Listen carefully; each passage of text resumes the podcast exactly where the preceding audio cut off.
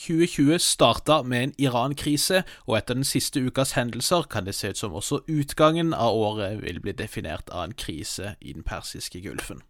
Vi skal dessuten innom siste nytt fra Afrikas Horn, en forferdelig massakre i nordøst-Nigeria, og vi skal høre fra Hviterussland, hvor president Lukasjenko har antydet at han kan komme til å gi fra seg makta. Dette er Hva skjer med verden?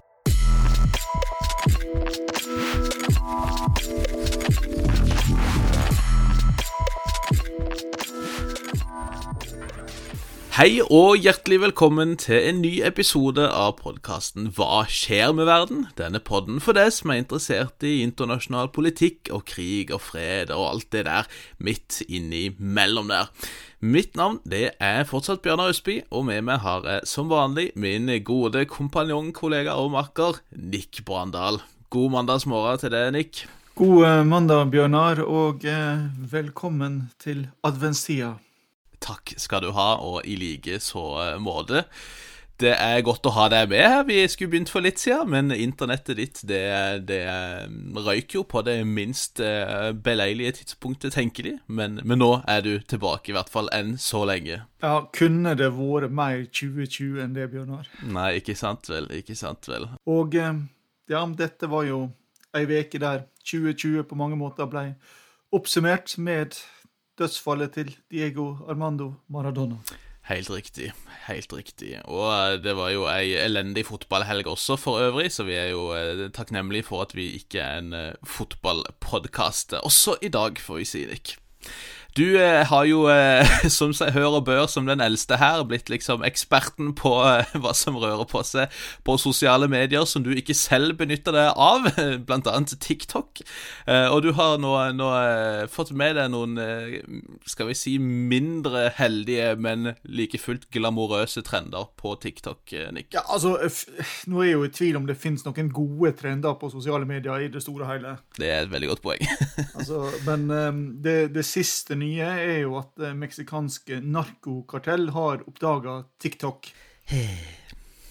Ja, det var bare det som mangla. Og de har begynt det som da eh, enkelte fagfolk har kalt for narkomarketing.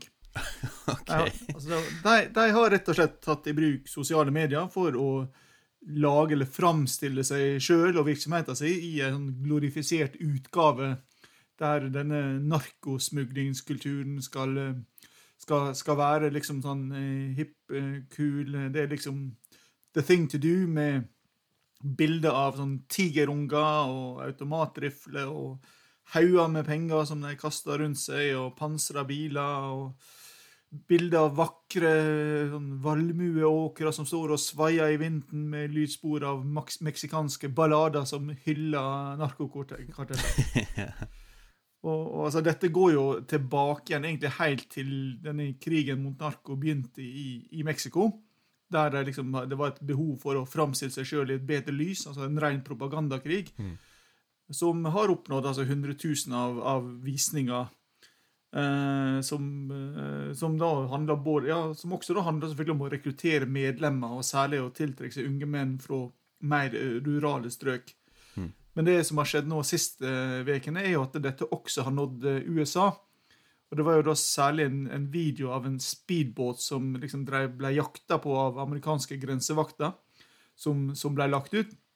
Og, og, denne ble jo da delt av, ganske, av flere millioner i USA.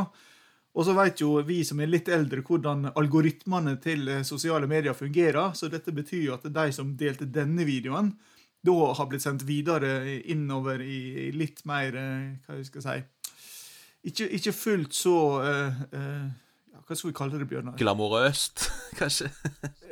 altså, det er jo fortsatt glamorøst, men litt mer vondarta videoer, da. Riktig. Uh, og altså, TikTok sier jo at de også fjerner innhold som promoterer ulovlige handlinger, men som alle de andre, Twitter, Facebook osv. Altfor lite og altfor seint. Og det er jo eh, interessant Nå bruker heldigvis ikke jeg heller TikTok, men, men de har jo vært aktive på Instagram en stund, disse her. Og vi ser jo litt sånne forskjeller i, i stil og fremtoning til disse kartellene også. Sånn som det her Sinaloa-kartellet som han El Chapo leda i sin tid. Det har jo blitt kjent for å liksom være Altså, de, de selger liksom en drøm om glamour, og der legger medlemmene ut bilder av liksom gylne kalasjnikover og hele den pakka der, sportsbiler osv. Mens eh, et av de liksom fremadstormende kartellene, dette nye generasjons eh, Jalisco-kartellet, eh, de, de, kjører jo på en mye mer sånn militarisert linje og, og liksom eh, legger ut bilder der de er i fulle uniformer og ser egentlig bedre utrusta ut enn det den meksikanske hæren sjøl eh, gjør. Og, og, det er klart, her også, de dukker nok ikke opp på TikTok, men du kan finne nok av det på Twitter og andre steder, så har de jo alle disse kartellene også masse grusomme, voldelige filmer som minner veldig mye om det vi har sett fra forskjellige eh, jihadistorganisasjoner. Og, og, jeg har faktisk hørt noen eksperter eh, som primært har fulgt jihadister, da, si at eh, når disse i starten av Irak-krigen begynte å publisere henrettelsesfilmer og lignende, så var det inspirert faktisk av meksikanske karteller som hadde gjort eh, det samme før disse jihadistene. Eh, så det ser ut som det er at de lærer en del av hverandre, disse eh, mindre hva skal, vi, hva skal vi kalle de? Mindre ålreite eh, organisasjonene rundt omkring i, i, verden. Dette var jo også uka da Kina fikk statuedebatten. Vi har jo hatt en statuedebatt i Vesten ganske lenge. Eh, men, men, her har den jo handla om å, rive ned statuer. I, I, Kina så handler det om å sette opp statuer. Ok, fortell. De, de, har nemlig funnet ut at uh, statuer er et nytt våpen mot uh, fattigdom og nød. Og eh, Det som utløste en ganske heftig debatt i forrige uke, var jo da en ny statue i rustfritt stål av en mytisk skikkelse fra kinesisk historie, Yang Asha, som ifølge legenda ble gift med sola, eh, tvangsgifta, og, og, da flykta til månen. Som under, under, Mao ble gjort om til sånn klasseperspektiv, der månen var jo en sånn bondesønn og, og hennes spørre der, uten å gå liksom inn i det. Men altså, den, den, er jo nå da, De holder på å sette den opp i uh, Guzhou-provinsen i Sørvest-Kina i, i, rustfritt stål. og den, den, er jo da større enn Frihetsgudinna. Yes. Uh, og den skulle jo da tiltrekke seg turister til en fattig del av Kina, var planen. Mm. Uh, den står jo bare da fremdeles uferdig, det er jo én ting. Og den er svindyr. Og den er siste i ei lang rekke av sånne hvite elefanter, for å bruke et språklig bilde. Dette er jo, Hvite elefanter er jo sånne som er ei, ei, ei, ei, gave som du gir til noen du ikke liker, fordi det, det er fryktelig dyrt. Mm. Det uh, kan det være. um, og det har jo blitt satt opp mange sånne rundt om i Kina. Altså I Yingshu så ble det satt opp en av en antikk general, Guang Yu, som også var høyere enn Frihetsgudinna, som kosta altså Hele prosjektet der med hotell og statue og alt sammen koster over to milliarder kroner og den står fortsatt ikke ferdig. Hæ? De har brukt 1,5 milliarder kroner til en kopi av Titanic på en sjø langt pukken holdt inne i Kina. Altså det, Formålet her er jo at dette skal være turistfelle. Eh, problemet er at det trekker at det er svindyrt. Det trekker penger vekk fra nødvendige investeringer i boforhold og samferdsel og næringsvirksomhet. Og det, de lokale myndighetene her tar jo da opp gjeld for å betale dette. her. Det, det har vært anslått at totalt så er denne type byggeprosjekt kan ha kosta så mye som 6 trillioner dollar. What? Og, og, dette er lånefinansiert, og dette betaler seg ikke. Og dette kan føre til holdt på å si, ja, rett og slett ruin. Hm. Og så er jo problemet at i dette nye Zhang, uh, Xi Jinping sitt eh, Kina, som er stadig mer autoritært, og mange vil si totalitært, så så er det ikke så lett å sette fram kritikk heller mot disse tingene. Kronikkulturen står ikke like sterkt, får vi si. Men heldigvis eh, så, Bjørnar, så har jo du eh, observert at eh, kritikk er noe som står, står sterkt i USA for tida. Eller? Eller, ja, det var det, da. Altså, det er nok eh, mange der ute, og selv inkludert, vil jeg tro, som, som på en måte puster et lettelsens eh, sukk, eller hva det heter, eh, over at Trump, i hvert fall på papiret, eh, må ta til takke med fire år eh, som president, i hvert fall i denne omgang. Eh, men det kan jo bli fire ganske slitsomme år for det, tenker jeg. I hvert fall hvis det vi har sett de siste dagene og ukene er noe å gå etter. Og Det vi jo nå ser, Nick, det er jo at eh, både den skal vi si, mer liberalt orienterte delen av, av pressa, journalistene, men også en del demokrater, de er jo fullt i gang nå med å gratulere seg sjøl, med å feire seg sjøl, med å hylle seg sjøl uten noen form for skam. Og én ting er jo om man bare liksom Altså, Jeg kan forstå at de er letta, og at de er fornøyde, og alt sånt, men de gir seg liksom ikke der. Nå er det de som beskriver Bidens nye utvalgte som The Avengers, som superheroes who have come to save us all, fra, fra denne galskapen under Trump, da, som de sa. Og det er andre som har dratt Wonder Woman-paralleller, blant annet hos Stacey Abrams og lignende. Det, det, blir litt slitne, Nick. Og eh, om ikke annet så sier det i hvert fall mye om dette enorme sivilisatoriske forfallet over Atlanteren, hvor liksom de beste heltereferansene man har, det er til disse herne plastikkfilmene til Marvel og, og DC Comics. Altså, hvis, du, hvis det er en sånn ekstrem ferdighet eller egenskap som jeg vil tillegge de aller, aller fleste av de Biden har presentert hittil, så må det være at de er superkjedelige. altså, det ble liksom et av de, de, de, beste trekkene med han her Blinken, som ser ut til å bli utenriksminister, det skulle jo være at han spiller gitar. Og, øh, og som en gitarist sjøl, så syns jeg ikke det sier så veldig mye. Og i hvert fall ikke nødvendigvis noe godt om, om vedkommende, så det er jo øh, ja, En kan jo bli litt matt, men, men øh, det er kanskje nettopp det som har vært litt av problemet med Trump eh, sitt presidentskap, at det har vært alt annet enn kjedelig, og av og til så er kjedelig også ganske greit, får vi si. Og, og med det så tror jeg vi må bevege oss inn i vår eh, sedvanlige roundup av uka som gikk.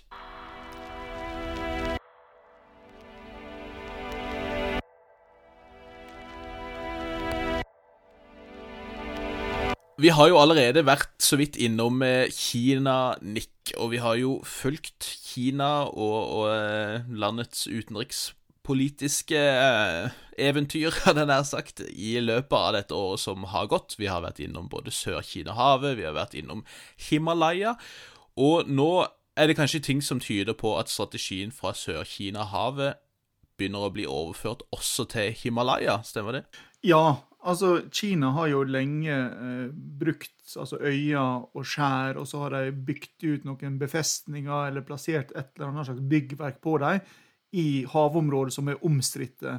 Det er jo særlig, det er jo særlig Vietnam og Filippinene som har, eh, har fått dette problemet, men, men, også til dels Japan har det vært. Og så ved å da ha kinesiske byggverk der, så, så sier de at nå er det vårt. Nå, nå gidder jeg ikke, Det er ikke grunn til å forhandle eller forholde seg til internasjonal lov. Eh, har du vei, har du lov. og, og, dette ser vi nå i økende grad i Himalaya. Mm. Vi, vi, har jo vært innom disse trefningene med India, og det er egentlig det samme. Kina flytter tropper, soldater, inn på det området de mener de har krav på, men der India står. Og så får du disse, disse trefningene. Eh, og denne uka så, så, skjedde jo det samme med et litt mindre land, nemlig Bhutan. Der Kina i full fart satte opp en landsby godt inne på et par kilometer inne på Bhutan sitt område. Eh, og så eh, ble det annonsert og filma, sendt på TV på den kinesiske nasjonaldagen nå i oktober, eh, at de første 100 innbyggerne reiste flagget mens de sang den kinesiske nasjonalsangen. Hæ? Og, og, dette er jo noe som da flere, flere stater der oppe i, i Malaya nå, nå, blir utsatt for. Mm. Og problemet her er jo at når Kina som sagt har etablert seg her, sitter med en landsby, da, da har du egentlig valget. Du kan akseptere det, stilltiende, eller du må gå til krig. Og det er ikke så mange som har lyst til å gå til krig mot Kina akkurat nå. Og i hvert fall ikke hvis du er lille puttlandet Bhutan, for å si det sånn. Nei, og så kan vi jo spore dette tilbake til en av våre favorittskurker i verdenshistorien, nemlig det britiske imperiet. det er altså, alltid de hekkans britene, altså. Ja, og det, dette er jo da eh, jeg, uklare grenser som går tilbake til det britiske imperiumet når de sto i, i India særlig. da, og, og det ble gjort noen grenseavtaler på 1890-tallet som det da fortsatt er strid om, som, som dette handler om. Hmm. Så er det jo sånn som man skulle tro var mulig å løse under internasjonal lov, og vi har jo sofistikerte middel for å måle opp og finne en grense og alt det der. der. Mm. Men Kina under Xi Jinping har jo da bare sagt at det gidder ikke vi. Vi gjør nøyaktig som vi vil, og til hekkans med alt annet. Og det viser seg jo at det funker ganske greit, det, stort sett. Um, og, og, vi skal jo uh, komme inn på uh, Etiopia nå, egentlig. Men vi har jo sett både i Nagorno-Karabakh, vi ser det i, eh, på Afrikas Horn, vi har sett det Eller vi ser det kanskje nå i Vest-Sahara, men hvordan stater eh, i økende grad tyr til militærmakt og militarisering både av utenrikspolitiske spørsmål, men også av det som har mer å gjøre med innenrikspolitikk, eller det som har å gjøre med sånne frosne grensekonflikter, som vi også, som vi har nevnt tidligere, eh, har sett i Kashmir og, og i disse Himalaya-områdene. Og gjengangeren er jo at det skjer fint lite fra internasjonalt hold eh, frem til egentlig operasjonene gjerne er over. Det er i hvert fall ikke noe særlig vilje til å, å gripe inn militært for å stoppe stoppe disse, um, disse initiativene og operasjonene. Uh, så det er en uh, ganske lei trend vi ser der nå, der, uh, der liksom militærmakt er inn igjen. og at det ikke lenger kun er liksom borgerkriger som dominerer, men, men at man, man det er mer rom for militærmakt også i internasjonale relasjoner. Og Vi kan jo gå til Etiopia, da, som vi nevnte så vidt. For uh, der har det jo skjedd mye den siste uka. Det skal sies at vi ikke nødvendigvis vet akkurat hvor mye av det som sies, som faktisk uh, stemmer. Men uh, i begynnelsen av uka så uh, snakka jo statsminister Abiy Ahmed om viktigheten av ikke-innblanding i interne affærer. Han, han eh, var ute med et statement der han da understreket et av de liksom, sentrale prinsippene i eh, internasjonal lov om at stater ikke skal blande seg inn i andres internt anliggende. Og det er nå så, men det har jo skjedd et og annet på den internasjonale arenaen som gjør at dette prinsippet har blitt fira litt på. Vi har jo FN som har gått eh, sammen om et eh, ansvar for å beskytte sivile i møte med krigsforbrytelser, forbrytelser mot menneskeheten, folkemord. Eh, også før de faktisk har skjedd, men der det foreligger mistanke om at dette er nært forestående.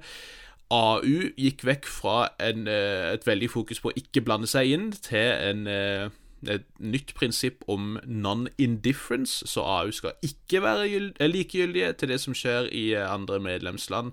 Og når Etiopia i tillegg da er vert for AUs hovedkvarter i Addis Ababa, så er det jo gode grunner til at andre skal bry seg ganske så mye om hva som foregår i Etiopia. Men de lyktes uansett ikke med å, å endre Etiopias kurs, disse um, internasjonale aktørene som har prøvd å, å, å, mekle. Og denne fristen, som eh, dette ultimatumet som eh, Tigray-provinsen fikk, det løp ut. De fikk jo 72 timer på å overgi seg og få gi fra seg provinshovedstaden Mekkele, dette partiet TPLF, og sa at det kom de ikke til å forholde seg til. Men eh, likevel så kom det meldinger sist uke om at eh, den etiopiske føderale hæren hadde tatt kontroll over Mekkele, og Abi gikk da også ut og sa at nå er disse militære operasjonene, denne law and, uh, rule of law-operasjonen, som man kalte det, den uh, var avslutta, og de hadde lykkes med å beseire TPLF, basically. Uh, enn så lenge så er det vel ingen uavhengige rapporter som kan bekrefte dette her. Det som er fryktelig vanskelig, som vi har nevnt mange ganger, det er jo at det er en total blackout, både med internett og telekommunikasjon ut fra Tigray-provinsen. I tillegg så er det jo kutta strømnettet gjentatte ganger, som gjør at du ikke får lada telefonene dine heller, hvis du skulle ønske å dokumentere noe. Så enn så lenge så har ikke jeg sett noen som har evna å bekrefte at Mekkele faktisk er tatt over av myndighetene, selv om de virka veldig selvsikre da de gikk ut med det statementet. TPLF har på si side antyda at de ikke har gitt seg, og, og, det lå vel litt implisitt i det som har kommet fra de, at de nå kommer til å gå tilbake til det de har mange tiårs erfaring med, nemlig geriljakrigføring fra baser opp i det veldig ugjennomtrengelige fjellterrenget nord i eh, Etiopia. Og sett områdeeksperter hevder at de har veldig gode kilder um, som sier at det diplomatiske miljøet i Addis Abeba har fått beskjeder og, og advarsler om at TPLF planlegger missilangrep og, og andre former for angrep mot um, forskjellige byer, spesielt i Amhara-provinsen, men også potensielt i Addis Abeba selv. Og Det har nok en gang også vært missilangrep mot militære installasjoner i Eritrea. Det er vel tredje gang det har skjedd. Det var nå i helga. Eh, I tillegg så har TPLF gått ut de siste dagene og både sagt at de har skutt ned en etiopisk eh, MIG, et eh, jagerfly. Det jeg har sett folk si at det ikke er uavhengig bekrefta, men, men, det har kommet ut noen bilder derfra som, som tyder på at det er tilfellet, og i tillegg så har også TPLF påstått at de har tatt tilbake Aksum, en annen stor by i denne Tigray-provinsen, fra hæren.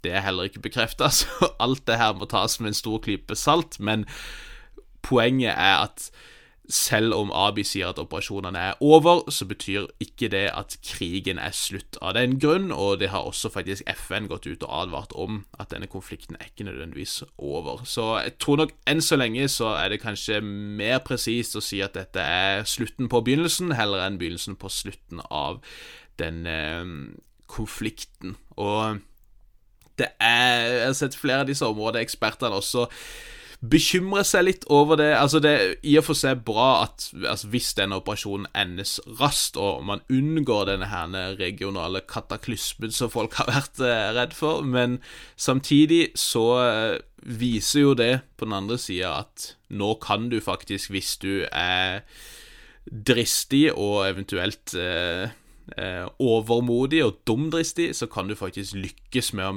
militarisere innenrikspolitiske disputter.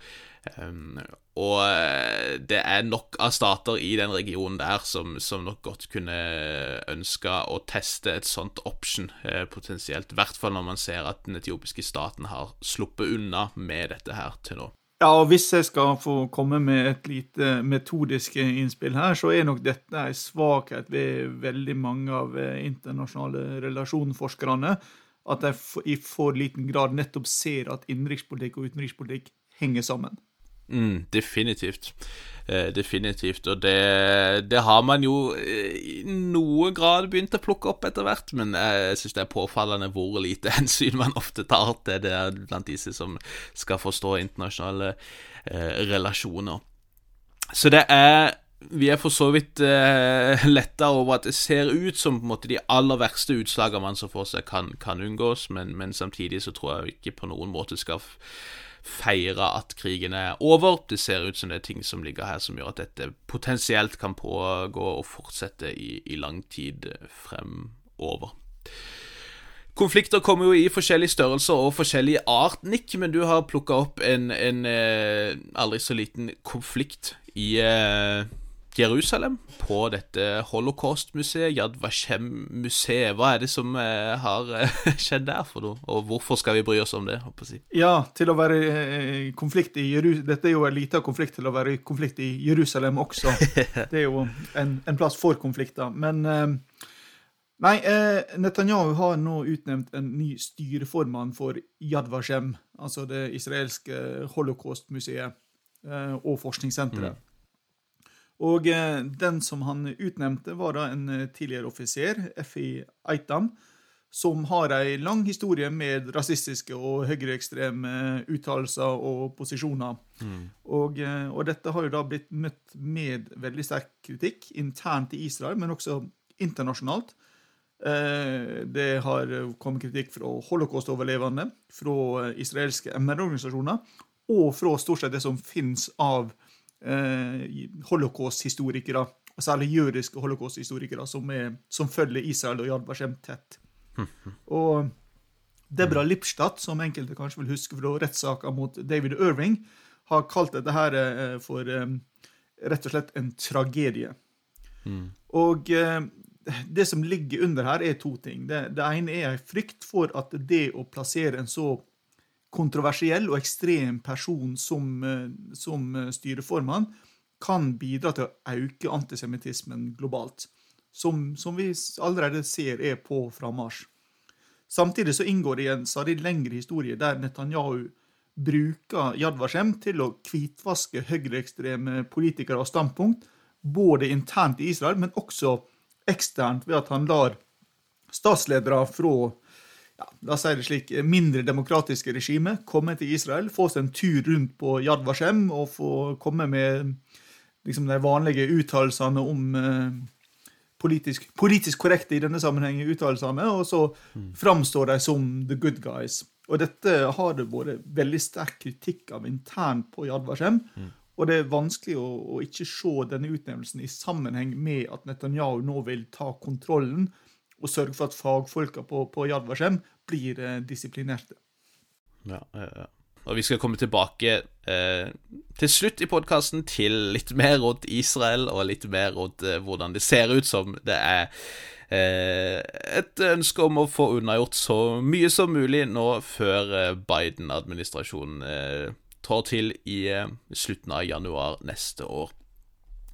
Eh, vi må bevege oss videre til eh, en rekke andre ganske eh, fæle utviklinger, for så vidt. Jeg vil først bare nevne at vi har fått et par påminnelser til om, om farene og for så vidt utfordringene ved denne planlagte amerikanske tilbaketrekninga. I, altså I Somalia så snakker man jo om å få ut så å si alle amerikanske soldater som er til stede. I Irak og Afghanistan så skal man trappe ned til ca. 2500 styrker eh, i hver av, hvert av landene. Men i eh, Somalia denne uka så har det på den ene sida kommet meldinger om at en CIA-offiser som skal jobbe for en sånn paramilitær avdeling, da, eh, har blitt drept i Somalia. Det er uklart om det har skjedd i eh, en operasjon som vedkommende selv var involvert i, eller om det er et angrep på Al Shabaab eller lignende.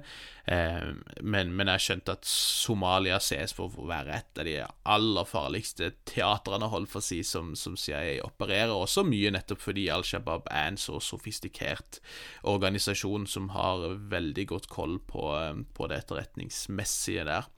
I tillegg så har Al Shabaab eh, stått bak et Altså, de, de, står jo bak angrep så å si hele veien, hvis du, hvis du faktisk går inn og følger med på hva som skjer, men, men de sto for et nytt angrep nå i eh, Mogadishu mot en isbar der minst syv sivile skal ha blitt drept. Og Jeg vet ikke om det bare er spekulasjon, men, men det ser ut som denne isbaren het et eller annet som eh, i retning av Divine Ice Cream, som liksom dette ses for å være ikke bare et angrep mot liksom vestlige type eh, foretak, men også mot selve navnet som blasfemisk, da. Det er ikke utenkelig, i hvert fall. Tragisk er det jo uansett. Og i Afghanistan også så har vi sett eh, nok en runde med flere voldsomme bilbombeangrep fra Taliban mot eh, afghanske militærbaser.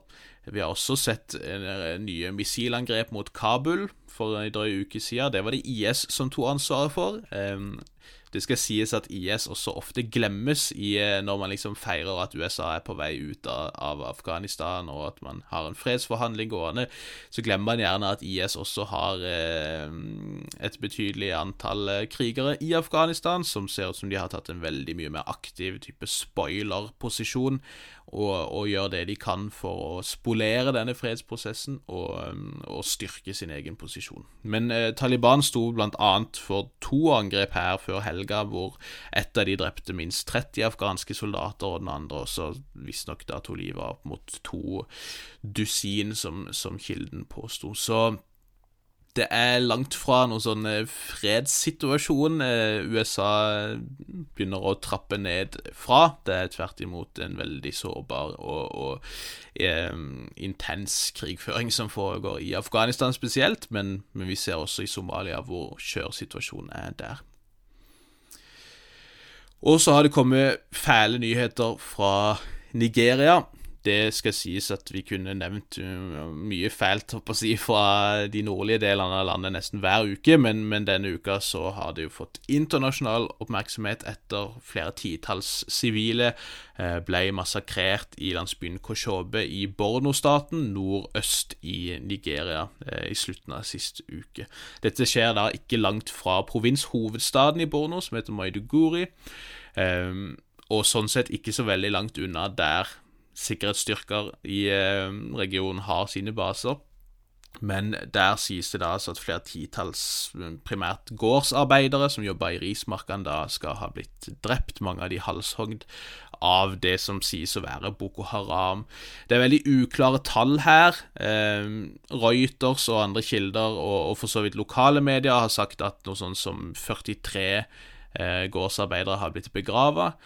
En, eh, et statement fra FNs landkoordinator eh, det sa i løpet av helga at så mye som 110 sivile har blitt drept. Det er det mye internasjonal presse, bl.a. NRK, har, har rapportert. Um, men etter det jeg har sett, så har det statementet blitt endra. Alle Altså alle mediene sier at kilden sier 110 sivile ble drept. Hvis du går inn og ser på statementet nå, så står det 'tens of civilians'. Så uh, Altså, det gjør det jo ikke noe mindre tragisk, for all del, men, men det er Jo færre, jo bedre, det der sagt. Eh, hvorvidt Altså, eller hvilken avdeling av Boko Haram, hvilken fraksjon som står bak, er, er uklart. Det som internasjonale medier sier, er at en lokal anti-jihadist-gruppering sier det var Boko Haram som sto bak, og med disse anti-jihadistene så vil jeg tippe at det er snakk om det som kalles Civilian Joint Task Force, som er en en eh, milits, om du vil, som, som, jobber i flere av disse områdene, og som delvis koordinerer med hæren i kampen mot Boko Haram. Eh, de sivile sier at, eh, som overlevde, sier at Boko Haram eller de som angrep, da, skal ha sagt at, eh, at eh, disse var spioner, og at de samarbeida med hæren, de var forrædere, kollaboratører, og at det var derfor de ble angrepet. Eh, Boko Haram, altså den gamle vingen av Boko Haram, om du vil, eh, de har jo stått bak masse grusomheter mot sivile, så det er sånn sett eh, stiller seg inn i en, en ganske fæl eh, modus operandi der. Men eh, jeg har sett eh, nigerianske eksperter som Bolan Bokarti, som er liksom i internasjonale medier og uttaler seg, han, han mener at det nok er mer sannsynlig at det er IS i Vest-Afrika, altså denne ene fraksjonen av Boko Haram som sverger troskap til IS, som står bak, i og med at det er de som er desidert mest aktive i dette området. Eh, der Boko Haram proper, holdt på å si, har stått bak mange massakrer mot sivile, så har IS hatt et omdømme liksom for å være litt mer forsiktige i en nigeriansk kontekst. Det skal sies at de aktivt jager og forfølger kristne og alle som påstås å være spioner eller kollaboratører med, med staten. Og det høres jo ut som det er sistnevnte som er tilfellet her, da, at, at, de som har blitt angrepet, skal ha vært spioner, da. Um, og, og, vi har sett flere sånne angrep i det siste mot uh, Dette her var gårdsarbeidere. Mange av de hadde migrert fra andre deler av landet for å få arbeid i disse rismarkene, men det har også vært angrep mot uh, tømmerhoggere, mot fiskere og, og andre som, som, befinner seg i disse områdene, og som gjerne anklages for å spionere, da, selv om de er helt ordinære, uskyldige sivile. Og bare i fjor så var det et uh, angrep i akkurat samme område, og likevel så har ikke disse sivile noen form for beskyttelse fra staten som de skatter til, for å si det sånn. Og det har jo ført til ganske massiv kritikk nå i seinere tid også fra sivile etter hvert, noe som er nytt i disse områdene i nord, men, men i økende grad fra um, akademikere og journalister mot Muhammadu Buhari, presidenten i Nigeria, om at han rett og slett ikke greier å eh, konsolidere noen form for statlig kontroll i nord. I nordøst så har du disse jihadistene, Boko Haram og IS. I nordvest så har du eh, banditter som har blitt mer og mer selvsikre i det siste. Og altså, Vi ser nærmest disse konturene av en typisk sånn statsdannelse, hvor eh, roaming bandits har blitt stationary bandits. De har nå begynt å skattlegge befolkninga og liksom ta skatt for da nå, nå, kan dere jobbe, i, eh, jobbe på åkrene her i to uker uten at vi angriper dere, hvis dere betaler så og så mye. Og så har man liksom begynt en, en sånn type prosess der. Dette faktisk i, eh, delvis i hjemstaten til Buhari, og likevel så, så er det lite til ingen reell beskyttelse mot disse eh, ikke-statlige voldelige gruppene. Um, Litt av problemet sies jo å være at strategien, spesielt i kampen mot jihadistene, har vært å samle alle soldatene i såkalte supercamps, eh, som da er langt lettere å forsvare mot angrep, fordi at de er større, og fordi du har flere styrker konsentrert der, men som samtidig gjør at du i praksis overgir svære områder til eh, til jihadistene. Det gjør at patruljene ut er lengre og farligere og mer sårbare for bakholdsangrep. Det er noe man prøvde på i, i, i, Irak og Syria, for så vidt, og som fungerte særdeles dårlig mot IS der. Så eh, det er nok å forvente at kritikken mot sentralmakta og mot Buhari vil tilta ytterligere nå i tida som kommer. Og Dette skjer jo samtidig som vi har hatt masse demonstrasjoner mot politivold i Nigeria, eh, så, så det er mye uro og mye kritikk, berettiget kritikk, eh, mot sentralmakta der, da. IS har jo en ving også nord i Mosambik, som gjerne kalles for IS i Sentral-Afrika. Eh, og men som har oppstått eh, lokalt. Og nå har Mosambik og Tanzania gått ut og sagt at de nå skal iverksette eh, felles militære operasjoner mot disse jihadistene. Dette skjer jo etter jihadistene angrep inn i Tanzania for eh, noen uker siden, og de har jo prøvd seg på det flere ganger. Så nå skal de nå sette i gang fellesoperasjoner langs denne grensa. De skal drive med informasjonsdeling osv. Og, så og uh, i tillegg så er det snakk om at Tanzania skal deportere over 500 mistenkte jihadister da, uh, til Mosambik for at de skal kunne eh, dømmes der. Så, så det blir spennende å se om dette her kan lykkes. Man har prøvd mye forskjellig. Man har hatt sørafrikanske leiesoldater um, og private militærselskap. Man har hatt denne russiske Wagner-gruppa inne. Ingen av de har noen særlig suksess å vise til. Um, det har jo vært snakk om om man skulle få inn Zimbabwe til å gripe inn. Det har heller ikke skjedd, men kanskje dette kan være med å sikre denne grensa i større grad, i hvert fall. Det får vi se. Vi får eh, ta turen fra Afrika til litt mer hjemlige trakter, Nick, og til, eh, til Europa, for å være presis. Vi kan jo starte litt i Øst-Europa med eh, Hviterussland, som vi jo ikke har snakka om på lenge. Eh, og det er jo ikke som om ting har stoppa der, bare fordi vi har slutta å snakke om det, og fordi media har slutta å rapportere. Disse demonstrasjonene har jo fortsatt og fortsatt.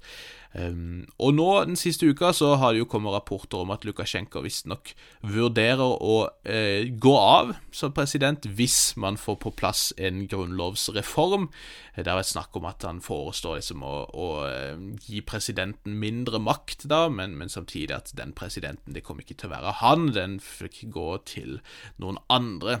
Og, og her er det jo da uh, veldig uklart når dette eventuelt skal skje, og, og hvordan det eventuelt skal skje. Vi skal snakke litt om, om folkeavstemninger og problemer med det veldig snart. Eh, men eh, det høres jo veldig ut som at dette er et resultat av at russerne nok nå kanskje har litt mer overskudd, som du snakka om sist uke, til å følge med på hva som skjer i Hviterussland, og som situasjonen i Kaukasus er mer uh, søtt. Og utenriksminister Sergej Lavrov var på besøk i Hviterussland nå sist uke, og det er visst han som da skal ha sagt at eh, eh, reformer de må på plass nå.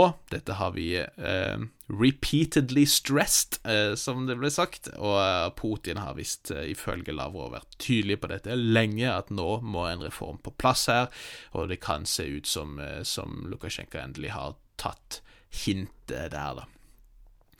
Men det har jo skjedd ting i EU på dette området delvis, si, og, og mulighetene for å, å sanksjonere eh, individer som er involvert i menneskerettighetsbrudd og lignende, så vidt jeg har forstått, Nick.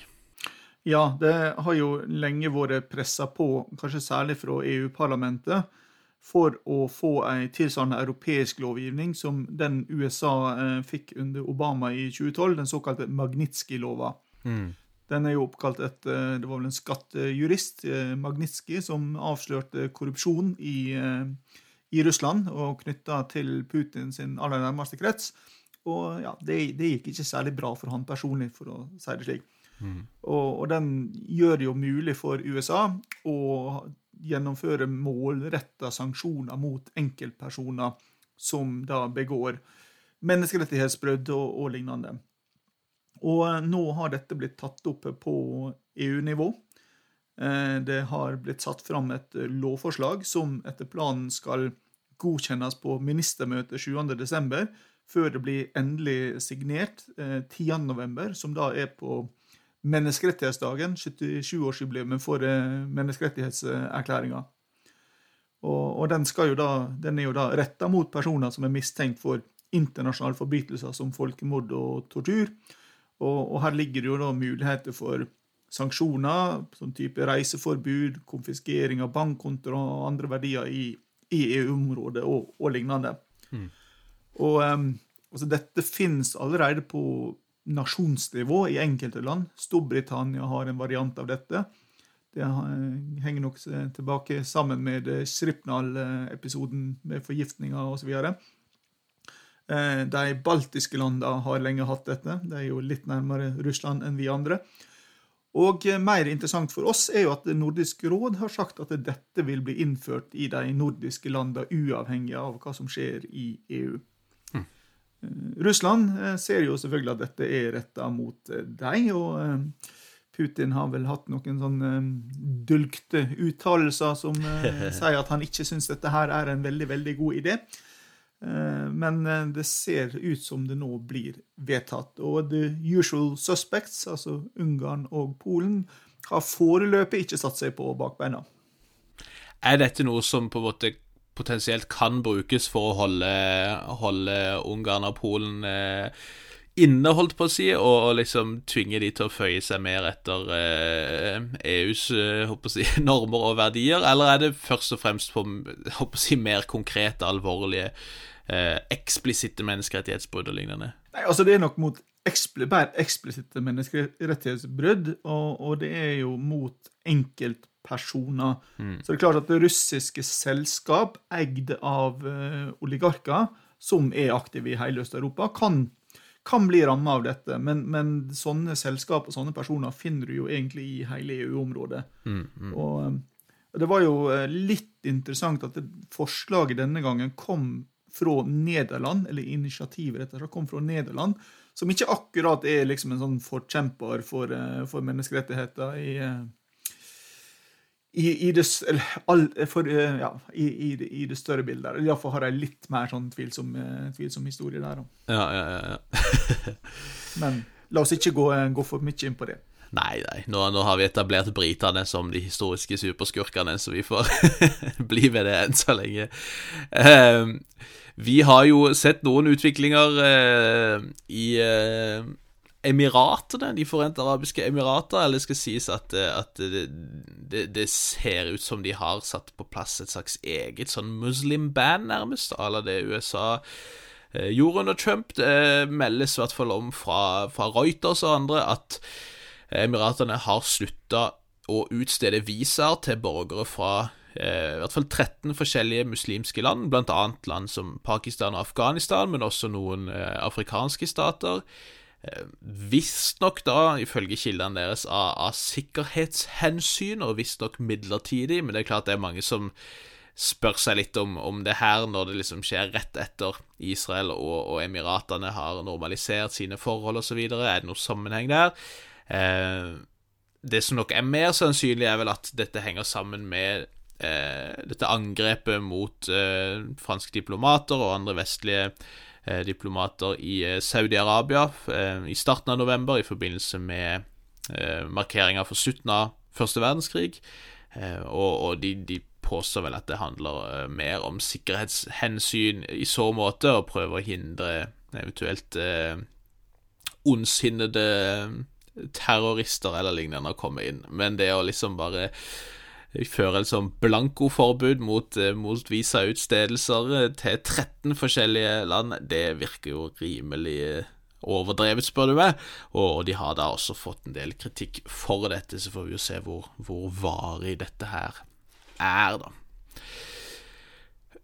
Jeg nevnte det så vidt i stad, Nick folkeavstemninger. Kanskje det er det som må til i uh, Hviterussland. Selv om den forrige avstemninga gikk heller dårlig, så er det jo gjerne det man gjør for å få gjennom grunnlovsendringer. Um, men folkeavstemninger er det kanskje ikke en så veldig god idé i uh, dagens uh, verden? Eller hva, hva skal vi tenke om det der? Altså, jeg har jo sagt ved en tidligere anledning at dersom verdensutviklinga ble bestemt gjennom folkeavstemninger, så ville vi fortsatt bodd i huler. Eh, det er, det er et um, tvilsom måte å få igjennom framtidsretta politikk på. og Det så vi jo under det amerikanske valget tidligere i måneden. Der, eh, litt under radaren, eh, så ble det jo da eh, gjennomført folk, eller avstemninger om eh, lovforslag, bl.a. i California. Og det var ikke de mest progressive forslagene som vant fram, f.eks. Så kan vi nevne at eh, de som jobber for Uber osv., som eh, delstatsforsamlinga hadde vedtatt var arbeidstakere, med rettighetene til arbeidstakere, der brukte bransjen hundrevis av millioner på en reklamekampanje for å få gjennom et lovforbud mot at de skulle få arbeidstakerrettigheter. Eh, og dette har vi sett nå i en versjon av i Sveits, der eh, det var satt fram et eh, forslag fra sivile organisasjoner, menneskerettighetsorganisasjoner osv., om en ny lov som ville gjort selskap som hadde kontor i Sveits, strafferettslig ansvarlig for menneskerettighetsbrudd også i utlandet. Og denne møtte jo da eh, sterk motstand fra næringslivet, eh, som man kan forstå, men også fra den sveitsiske regjeringa, som var redde for at dette kunne ødelegge den sveitsiske eh, forretningsmodellen med å være hovedkvarteret for masse multinasjonale selskap. Det ble den dyreste folkeavstemninga i sveitsisk historie, med ei massiv reklamekampanje mot forslaget. Sluttresultatet som da kom i forrige uke, var at et lite flertall av de som stemte, 50,7% stemte for lova. Men de klarte ikke å få et flertall i de sveitsiske kantonene, altså de administrative nivåene på linje med våre ja, om det er fylke eller kommune, men mm. nivået under sentralmakta, som er et krav i den sveitsiske grunnlova. Og så sier jo regjeringa at de skal legge fram et alternativt forslag som er mye bedre, som krever at eh, selskapene rapporterer om MR-situasjonen eh, rundt omkring. Men eh, dette er jo i praksis helt tannløst. De har ikke noe ansvar for noe som helst. Og det er en lavere, eller mindre, enda mer tannløs enn det du finner i Frankrike og Storbritannia, som heller ikke akkurat er internasjonale supermakter på dette feltet. Og i samme avstemning så var det også eh, lagt fram et forslag med forbud mot å investere i våpenproduksjon for krigsformål, eh, som også fall. Så eh, ja, folkeavstemninga er ikke i hvert fall ikke en sikker måte å få gjennom progressiv politikk på, i den grad det er en måte å få det til på. Riktig, riktig.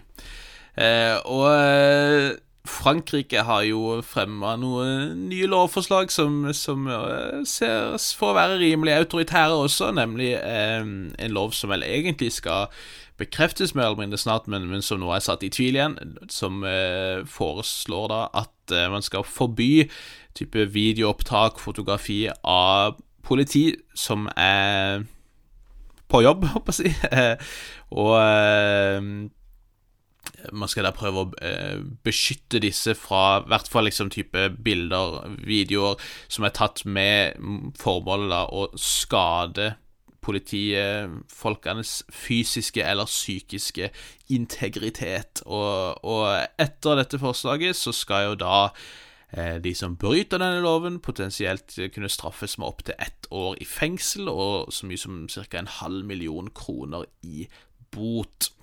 Og ikke så unaturlig, kanskje, eller overraskende, så har jo responsen til et sånt forslag vært eh, svært negativ. Gjerne fordi at man frykter at dette kan eh, føre til langt mer politivold, og gjøre at man i mye mindre grad har kontroll over hva politiet faktisk gjør, hvordan de faktisk opererer.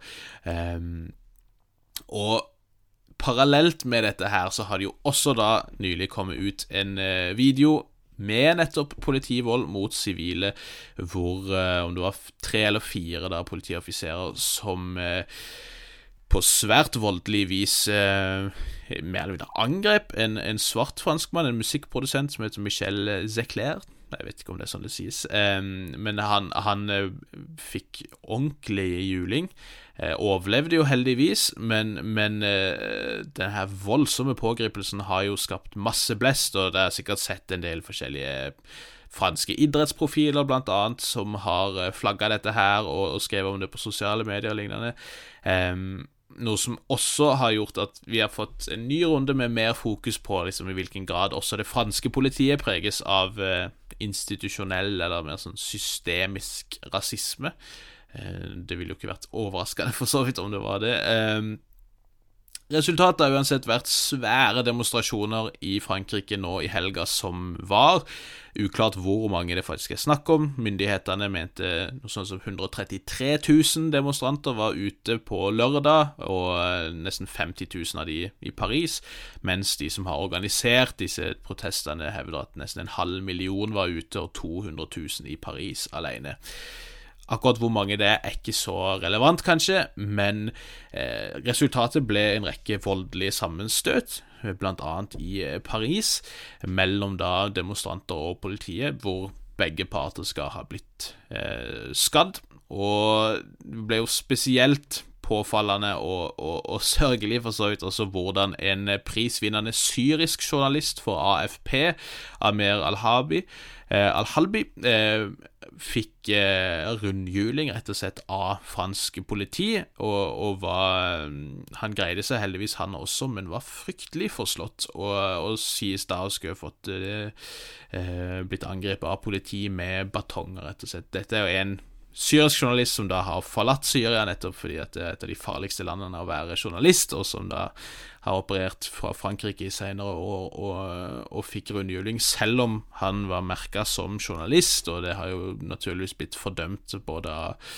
eh, organisasjoner for journalister, men også fra AFP selv. Og det har jo ikke gjort at det har blitt noe mindre fokus på nettopp politivold og, og eventuelt også eh, systemisk rasisme på den fronten der. Og eh, Macron har vært ute og fordømt dette, denne veldig voldelige eh, pågripelsen av denne musikkprodusenten og sagt at det er skammelig osv. Det ser ut som liksom prosessen for å få gjennom denne nye loven har blitt forsinka noe, og så, så er det uklart for meg i hvert fall hvorvidt det fortsatt er sannsynlig at den får gjennomslag, eller om den blir stoppa, sånn som situasjonen er nå. Eh, apropos, holdt på å si, eh, autoritære ting og, eller tendenser, og apropos eh, rasisme, så eh, har jo du plukka opp også litt eh, rapportering om overvåkningsteologi eh, Teologi? Oi, oi, oi. Teknologi. Eh, og hvorvidt den faktisk bare preger rasebaserte fordommer også. Ja, det var jo eh, FNs komité for bekjempelse av eh, rasediskriminering som eh, var ute nå i forrige uke med bekymring om at den nye overvåkningsteknologien med ansiktsgjenkjennelse og kunstig intelligens kunne, eller hadde med seg fordommer i programvare og i algoritmene som kunne føre til menneskerettighetsbrudd og til eh, systematisk, eller systemisk rasisme, kanskje er bedre å si. Mm. Og, eh, altså, og det, dette handler jo om at eh, altså, algoritmene baserer seg på, på, historiske data, som så er igjen er basert på tidligere fordommer. Den handler om hvor mange arrestasjoner som har vært i et område.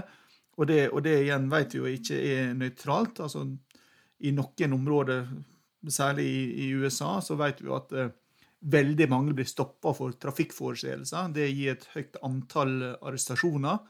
Eh, og dette er basert på rase, på såkalt profiling. Og dermed så kommer dette området høyt opp i disse algoritmene, og dermed så får man enda flere arrestasjoner.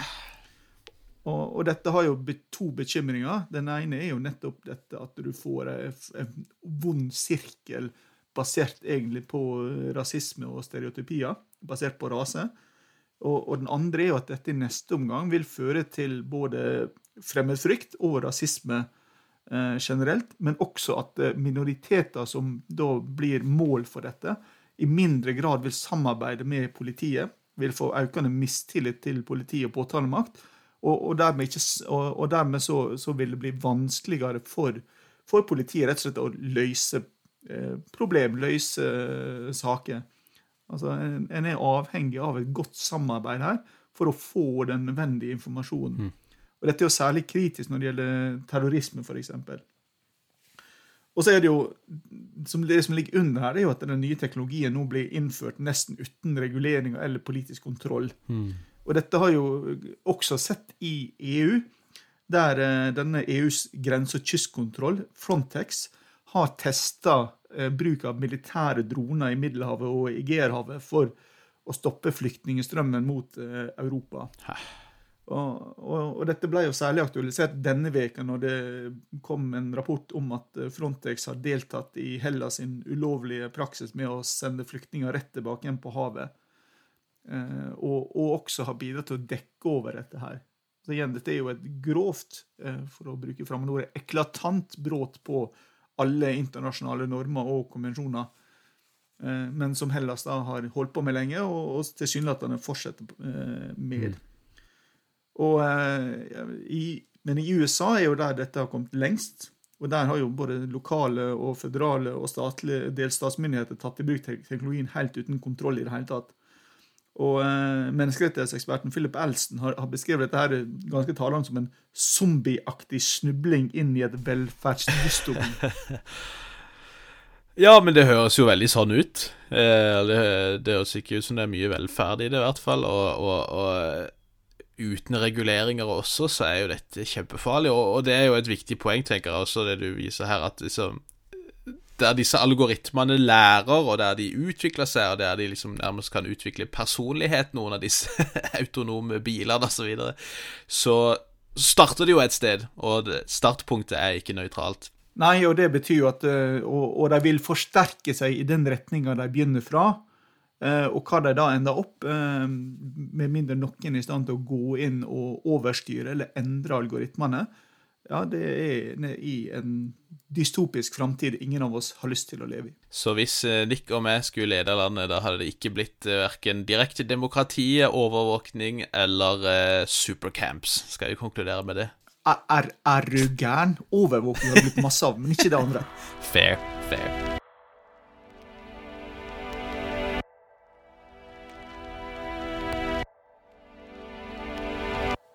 Den store nyheten forrige uke var allikevel, som vi allerede har annonsert, Israels sitt attentat mot en av eh, de ledende iranske atomforskerne, Bjørnar. Og eh, hva, hva var det egentlig som skjedde her? Eh, ja, det skal jo sies at, at eh, vi bare antar at Israel sto bak, eh, i og med at de gjentatte ganger har eh, flagga denne personen som sentral for, for, Irans forsøk på å utvikle atomvåpen, men, men det er det virker som de fleste antar at Mossad står bak. Det som har skjedd, er at en kar som heter Mossen Farizadeh, eh, som da på papiret er en sivil atomforsker, men som Israel lenge har påstått var leder for Irans hemmelige program for å utvikle atomvåpen. Eh, han eh, ble drept sist uke, litt utenfor hovedstaden Iran, Teheran.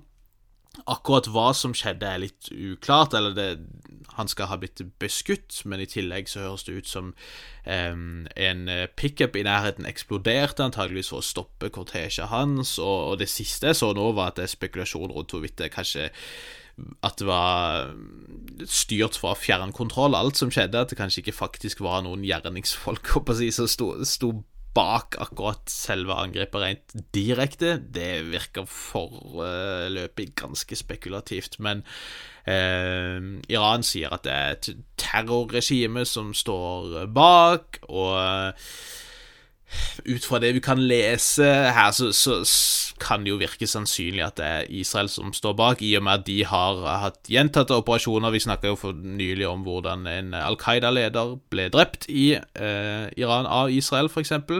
Ja, jeg beit meg jo merke i en interessant sideopplysning her, nemlig at det var, det var, ikke Toyota som var i bruk, det var Nissan og Hundai. Riktig, ikke sant? Og jihadister de sverger jo til, eh, til Toyota. Så vi kan nok utelukke, utelukke jihadister i dette tilfellet.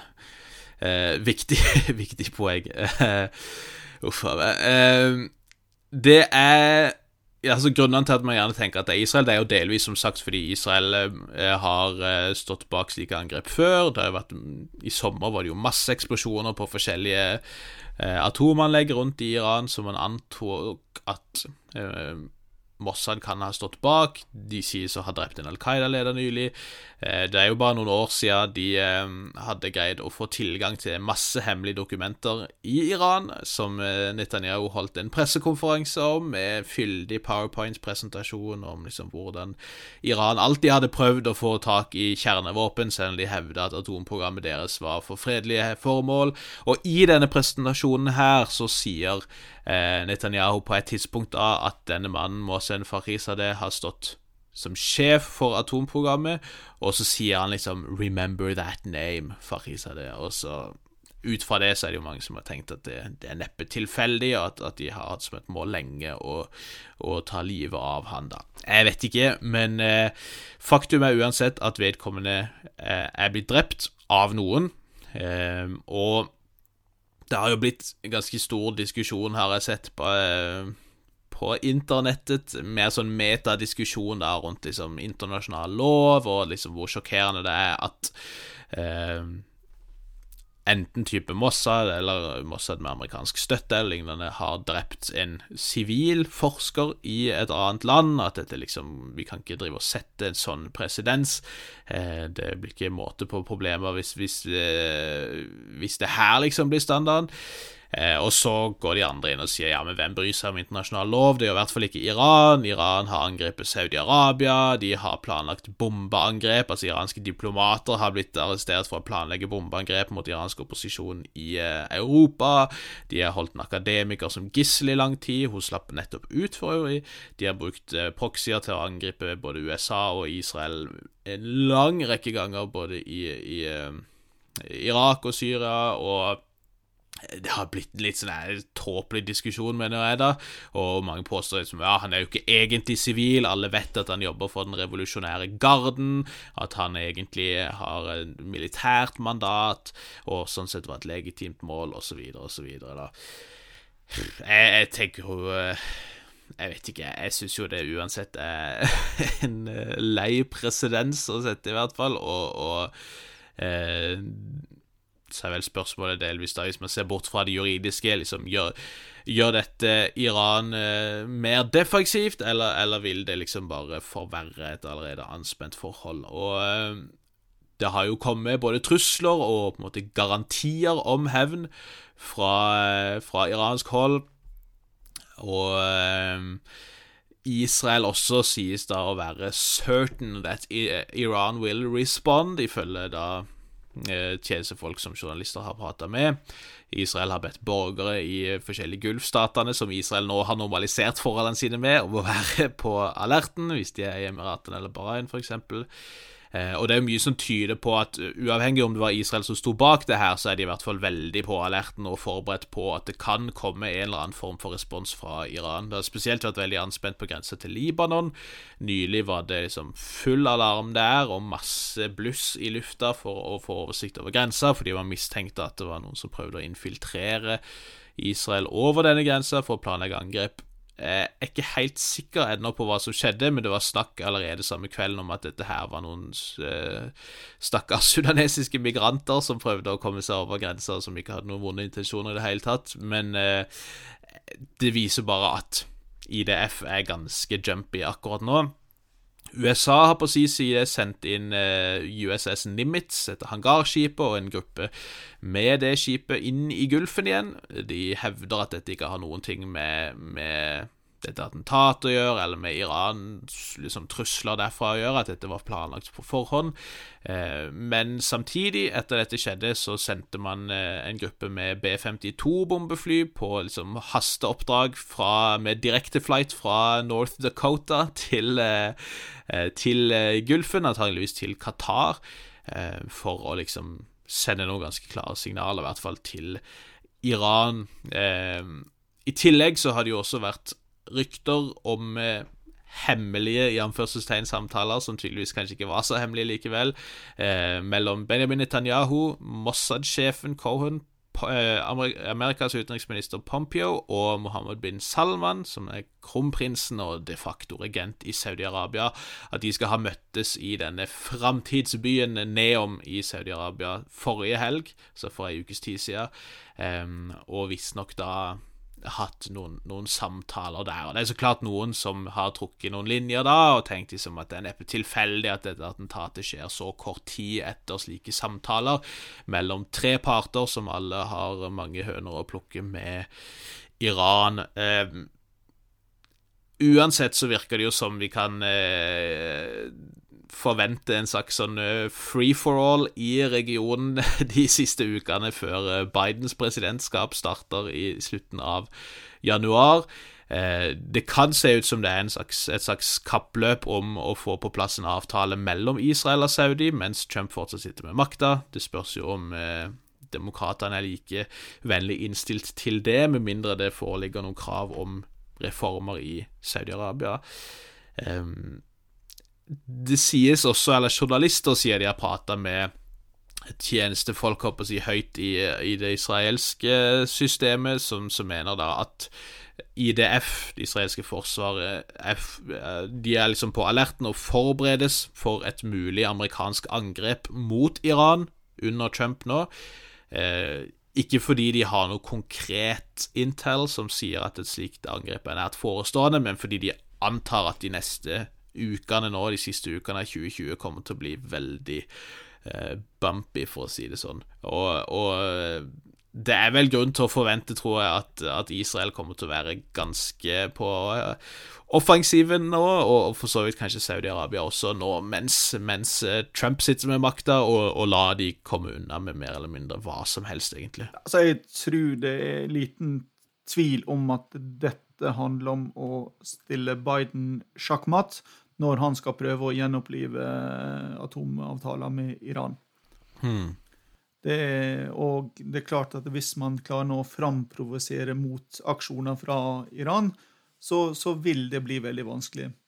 Det kom en annen nyhet denne uka, nemlig at uh, Iran endelig har gjennomført et uh, fangebytte med en britisk statsborger eh, mot tre iranske statsborgere som var arrestert i Asia for å for en terroraksjon, en bombesprengning der. Eh, som nettopp tyder på at Iran nå forberedt seg på å komme inn igjen i, eh, i den siviliserte verden. Eh, og Da er det jo spørsmål om de vil la seg jeg, friste av Israel, eller om de vil sitte på gjerdet i to måneder til og så satse på at de, den nye Biden-administrasjonen da har et, et spillerom til å, til å gjøre en avtale.